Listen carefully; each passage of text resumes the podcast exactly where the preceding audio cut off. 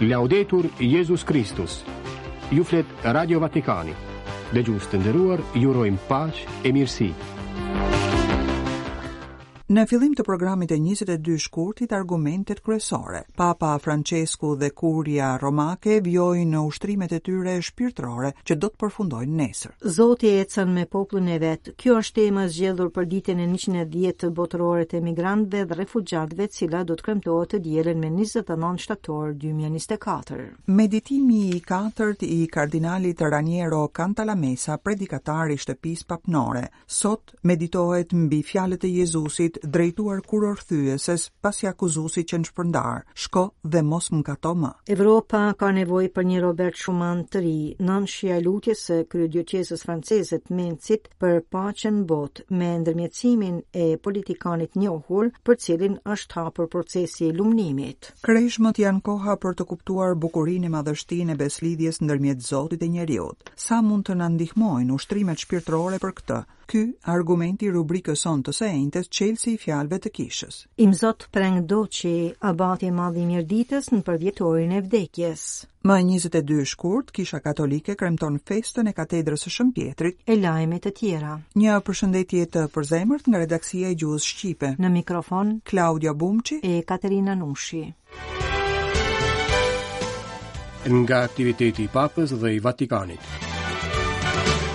Zoti ecën me popullin e vet. Kjo është tema e zgjedhur për ditën e njëqind e dhjetë botërore të emigrantëve dhe refugjatëve, e cila do të kremtohet të dielën më njëzet e nëntë shtator dy mijë e njëzet e katër. Njoftimin e jep Dikasteri për Promovimin e Zhvillimit të Gjithanshëm Njerëzor, duke shpjeguar se mesazhi do të përqendrohet në përmasën endacake të kishës, me një vështrim të veçantë për vëllezërit dhe motrat migrante, ikona bashkëkohore të kishës në ecje. Është udhëtim që duhet bërë në mënyrë sinodale, për të arritur së bashku në atdheun e vërtetë, duke kapërcyer çdo pengesë dhe kërcënim, lexohet në notën e Sallës së Shtypit të Vatikanit. Gjatë udhëtimit, kudo të jemi, themelore është ta kuptojmë se Zoti është i pranishëm dhe ecën me popullin e vet, duke i siguruar udhëheqjen dhe mbrojtjen në çdo hap. Por është po aq themelore të shohim praninë e Zotit, Emanuelit, Zotit me ne, në çdo migrant që troket në derën e zemrës sonë dhe kërkon një takim.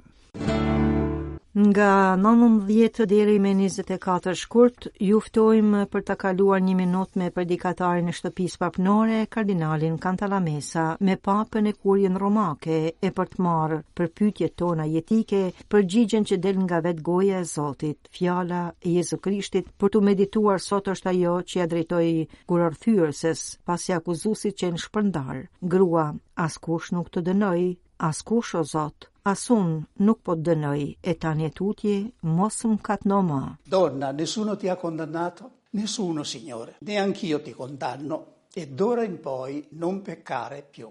Tani e tutje mos mëkatno më. Fjala e Jezusit për t'u mirëpritur sot pra, është ajo që ia drejtoi gruas kurorëthyese pasi akuzuesit e saj ishin zhdukur. O grua, a nuk të dënoi askush? Askush o Zot. As unë nuk po të dënoj. Shko, e sot e tutje, mos mëkatno më. Tani e tutje mos mëkatoni më. Secili prej nesh, nëse shqyrton veten me kujdes, do të kuptojë se krahas mëkateve të shumta që bëjmë, është edhe një i ndryshëm nga të tjerët. Ai mëkat me të cilin lidhemi paksi fshehurazi, e që rrëfehet, por pa vullnetin e vërtetë për të thënë mjaft më. Shën Agustini në rrëfimet e tij na e përshkruan luftën për t'u çliruar nga mëkati i sensualizmit. Pati një çast në të cilin iu lut me gjithë zemër Zotit, më jep dlirësi dhe vetëpërmbajtje, por, shtoi një zë i brishtë brenda tij, jo menjëherë të lutem. Gjithsesi, erdhi edhe çasti kur i bërtiti sa mundi vetvetes.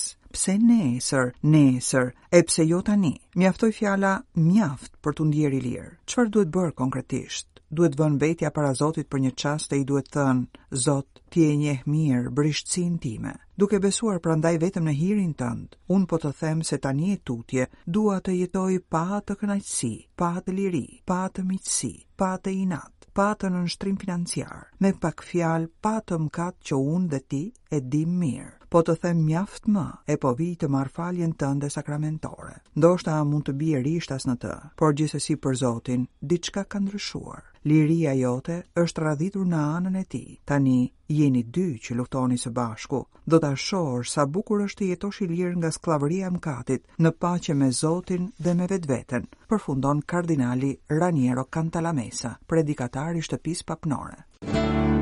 Nga 16 deri më 24 shkurt, 9 ditë para përvjetorit të pushtimit rus në Ukrainë që të kujton rikthimin e luftës në Evropë, imzot Filip Balo, kryeipeshkvi i Metz dhe administrator apostolik i Strasburgut, i ftoi besimtarët e Alsasës, të Francës dhe Evropës të luten për paqen në botë me ndërmjetësimin e një figure kyçe shpirtërore të rajonit dhe të kontinentit, të nderuarit Robert Schuman. Tokë strategjike si të gjithë kufijtë, e prekur historikisht nga shkatërrimet e luftës, Kisha e Metsit i fton të gjithë të meditojnë për fjalët që i kushtohen paqes në magjisterin e papëve, nga Shën Pali i Gjashtë tek Françesku, si edhe tekstet e tyre kryesore, duke nisur nga Pacem in Terris e Gjonit të 23 për të vijuar me Caritas in Veritate të Benediktit të 16 e me mesazhet për paqe të Françeskut. I njohim zonat e konfliktit që na sfidojnë dhe na vënë në dyshim. Ukraina, Izraeli, Gaza, Nagorno-Karabaku dhe shumë të tjera.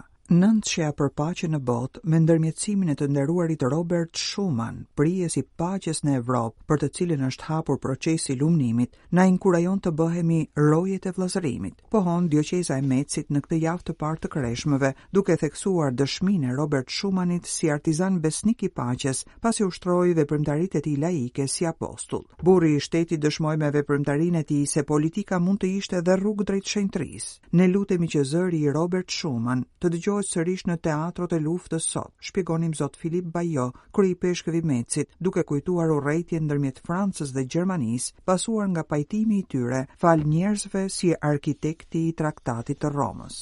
Për të nxitur guximin e luftës për paqe në këtë Evropë të goditur nga lufta në mushkërinë e saj lindore, Imzot Bajo nxit për vllazërim dhe bashkim, duke pohuar gjithçka bashkon e duke flakur gjithçka ndan. Robert Schuman, që lindi në Luksemburg, që studioi në Gjermani e punoi në Francë, është burri i kufijve, parë si vende takimesh dhe jo përplasjesh apo rivaliteti. Prandaj bëhet fjalë për rifillim, me veprime konkrete, siç u bë për krijimin e Bashkisë Evropiane të Qymyrit dhe Çelikut. Evropa nuk do të ndërtohet menjëherë, as me një ndërtim të përgjithshëm, do të ndërtohet përmes arritjeve konkrete, duke krijuar fillimisht solidaritetin konkret, pati pohuar ati themelues atëherë ministër i jashtëm francez në deklaratën e tij të 9 majit 1950. Kufijtë nuk janë bërë për të ndërtuar mure, as për të varrosur e për të nxitur njëri kundër tjetrit, por për dialoguar e për të ndërtuar. Nënvizon kryepeshkvi i qytetit karolingian, duke menduar për Tokën e Shenjtë, për Ukrainën dhe Rusinë, e duke u ankuar për frikën dhe mosbesimin, kujton qëndrimin e të nderuarit Schuman për çdo fyerje të ashpër kundër tij. Ai shtrëngonte fort një rruzare në xhep, që reagimi të ishte i krishterë dhe jo thjesht spontan, e kujtonte vazhdimisht fjalët e Izaisë profet, shpatat e tyre do t'i kthejnë plorë, e heshtat në drapërinj. Një popull nuk do të ngrejë më shpatën kundër një populli tjetër dhe më as do të ushtrohen për luftë. Eja o shtëpia e Jakobit, t'ecim në dritën e Zotit. Çelësi i fjalëve të kishës. Jemi në javën e ushtrimeve shpirtërore të Papës e të Kurjes Romake, të cilat do të përfundojnë nesër. Por çfarë janë ushtrimet shpirtërore dhe përse shërbejnë ato? Kësaj pyetjeje do të mundohemi t'i përgjigjemi sot. Koha u plotësua, e mbretëria e hyjit është ngjatë. Kthehuni e besojini ungjillit, na fton ungjilli sipas Markut në kreun e tij të parë. Zoti ka ardhur në botë, pasi tashmë është afruar koha e revolucionit të dashurisë. Zëri i Krishtit shpall paqen përfundimtare ndërmjet qiellit e tokës, po atë paqe që njerëzit ia kanë kërkuar hyjit në shekuj, po ato që Zoti na e ka dhuruar shpesh, por po aq shpesh ne e kemi tradhtuar duke e prishur. Kreshmët janë koha për të kuptuar bukurinë e madhështinë e kësaj besëlidhjeje ndërmjet Zotit e njeriut, për të lënë pas rrugën e gabuar e për ta kthyer zemrën, duke dëgjuar zërin e Krishtit që shpall ardhjen e Mbretërisë së Hyjit. Ushtrimet shpirtërore mund të jenë pjesë e këtij kthimi. Ato përbëhen nga një sërë praktika shpirtërore që na ndihmojnë në rrugën drejt shenjtërimit të jetës. Në veçanti, ushtrimet janë një periudhë e shkurtër meditimi dhe largimi nga bota për të verifikuar sa e si e kemi ndjekur Krishtin deri në atë moment. Ushtrimet shpirtërore, të kuptuara si meditim, reflektim, shtegtim, agjërim e vepra mëshire, janë karakteristike për botën murgare, ku pa dyshim spikasin ato që njihen si ushtrimet shpirtërore të Shën Injacit të Lojolës, themelusit të urdhrit të jezuitëve. Në to shenjti propozon një skemë me katër etapa apo javë. aktivitete shpirtërore nën udhëheqjen diskrete të një mësuesi që na ndihmojnë të kërkojmë identitetin dhe vlerat tona personale, të analizojmë vetveten e të gjejmë mënyrën më të mirë për të ndjekur Krishtin, si edhe të kuptojmë e të pranojmë planin që Zoti ka për secilin prej nesh. E rëndësishme është metoda injaciane, karakteristikat kryesore të së cilës janë ecja hap pas hapi, aftësia për t'iu përshtatur kërkesave të veçanta të secilit, bashkëpunimi aktiv, izolimi dhe largimi i mendjes nga gjërat e kësaj bote, qëllimi përfundimtar që ka të bëjë me kuptimin e pranimin e planit të Zotit për secilin. Që nga viti 1700, ushtrimet shpirtërore janë të detyrueshme për krejt klerin, së paku një javë në vit. e nga individuale bëhen në grupe.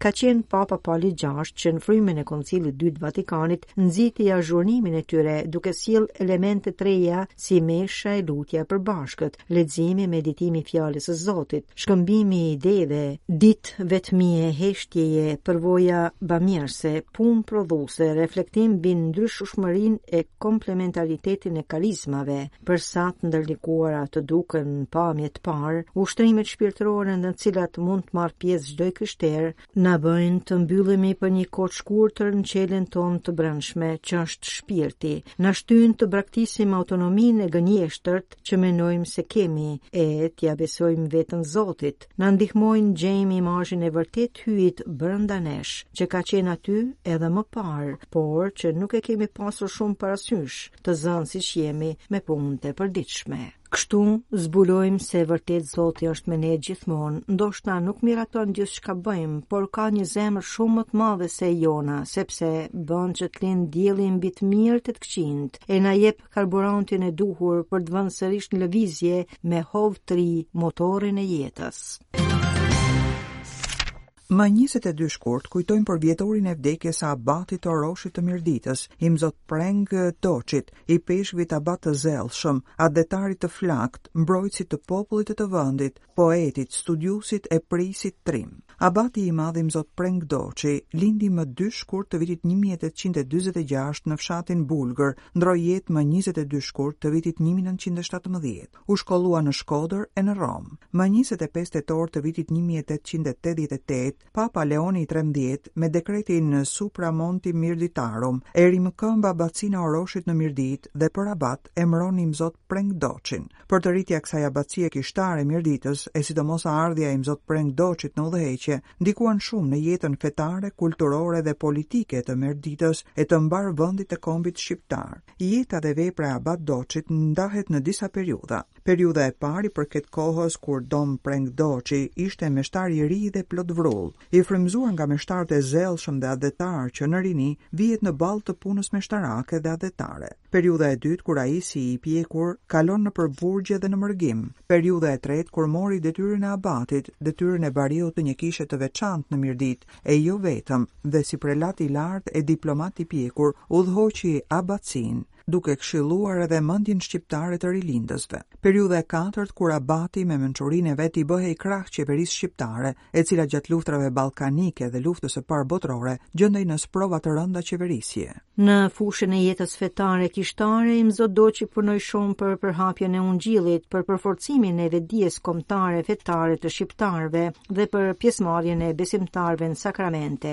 Po kështu, Imzot Doçi, ndërsa punonte për kultivimin e vlerave shpirtërore kombëtare, në anën tjetër luftonte kundër dukurive të këqija që ekzistonin ndër shqiptarë si vrasjet, hakmarrja, konkubinati, martesat jo ligjore e dukuri tjera tjera që pengonin përparimin e rritjen e vlerave tek populli. Në fushën e jetës kulturore, Imzot Preng Doçi në vitin 1899 themeloi shoqërinë letrare Bashkimi, me qëllim të zgjidhjes së çështjes së alfabetit në bazë të shkronjave latine dhe për përhapjen e shkollave e botimin e librave në gjuhën shqipe, që asokohe ishin pak e shumë të luftuara nga armiqtë e popullit shqiptar, sidomos turqit. Ishte kjo nevojë e madhe e për Imzot Doçin qe një program për rilindjen kombëtare, për t'i dhënë një hov të ri me shkolla e dije Shqipërisë, e në mënyrë të posaçme, zonës së Mirditës.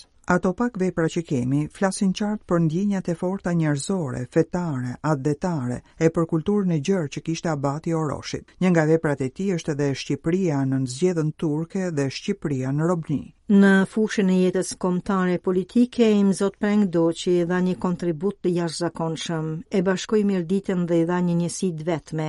Në relacionin e tij mbi gjendjen e abacisë Shën Llezhdrit Mirditë, Imzot Doçi mes tjera shkruan se Mirdita është si një shtet i vogël autonom, popullsia e së cilës është krenare për lirinë e vet. Për këtë arsye Mirdita duhet të jetë një bërthamë, qelizë e një shteti shqiptar. Kjo ëndërr e tij qe kohëshkurtër, sepse turqit e shuan kryengritjen e mirditorëve, të cilën e organizoi ai. Për këtë arsye turqit e internuan në Stamboll, nga ku me ndërmjetësimin e kardinalit armen Azarjan, lirohet dhe shkon në Romë, ku Selia e Shenjtë e dërgon me misionin diplomatik në Shtetet e Bashkuara të Amerikës e vende të tjera, ndërsa me ndërmjetësimin e kardinajve të Vatikanit, Aliardi e Jakobini, më 1888 u kthye në Shqipëri si abat i Mirditës. Më 1911-1912 udhëhoqi kryengritjen e Mirditës kundër osmanllinjve. pa e prekur kurrë misionin e tij fetar, nën ndikimin e zgjimit kombëtar të popullit dhe të ngjarjeve të mëdha politike të kohës, ai u bë një nga paraardhësit e letërsisë së Rilindjes në Shqipëri. Abati i Madh i Mirditës, Imzot Preng Doçi, hyri në histori si meshtar i zellshëm, atdhetar i flaktë, mbrojtës i popullit e i vendit, poet, studiues e prijës trim. Ndërroi jetë, siç e thamë, më njëzet e dy shkurt të vitit një mijë e nëntëqind e shtatëmbëdhjetë.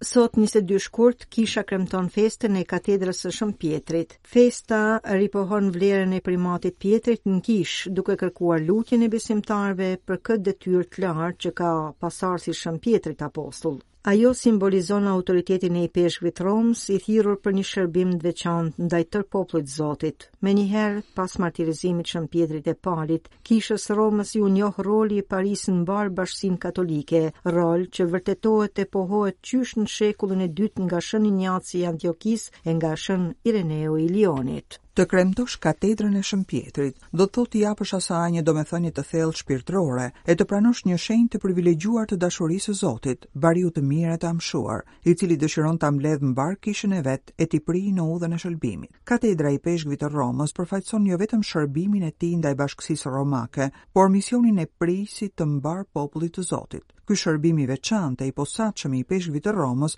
është ripohuar nga Koncili i Dytë i Vatikanit. Në bashkimin kishtar, lexojmë në Kushtetutën dogmatike mbi kishën, me të drejtë, pra ligjërisht, ekzistojnë edhe kisha të veçanta, të cilat kanë tradita të veta, ndërsa primati i Katedrës së Pjetrit mbetet i paprekur, kryeson tërë kishën në bashkimin universal të dashurisë, mbron pluralizmin e ligjshëm kishtar e njëkohësisht mbikëqyr tiparet e veçanta të kishave lokale që të mos jenë në dëm të bashkimit, por përkundrazi, t'i shërbejnë këtij qëllimi. Një detyrë e tillë e posaçme shërbimi e bashkësisë romake dhe ipeshkvit të saj, zë fill nga fakti se në këtë qytet derdhën gjakun e tyre apostujt Pjetri e Pali, përveç një numrit madh martirësh.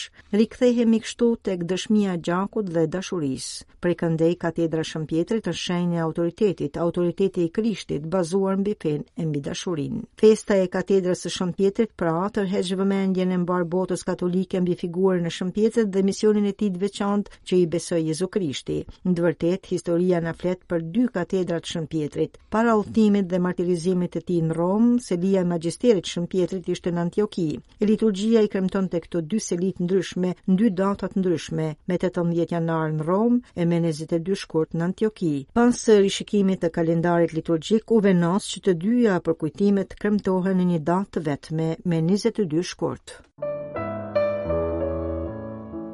Këtu të dashur dëgjues përfundon edhe programi ynë për sot. Ju falenderojmë për vëmendjen e mirudëgjofshim nesër. Laudetur Jezus Kristus.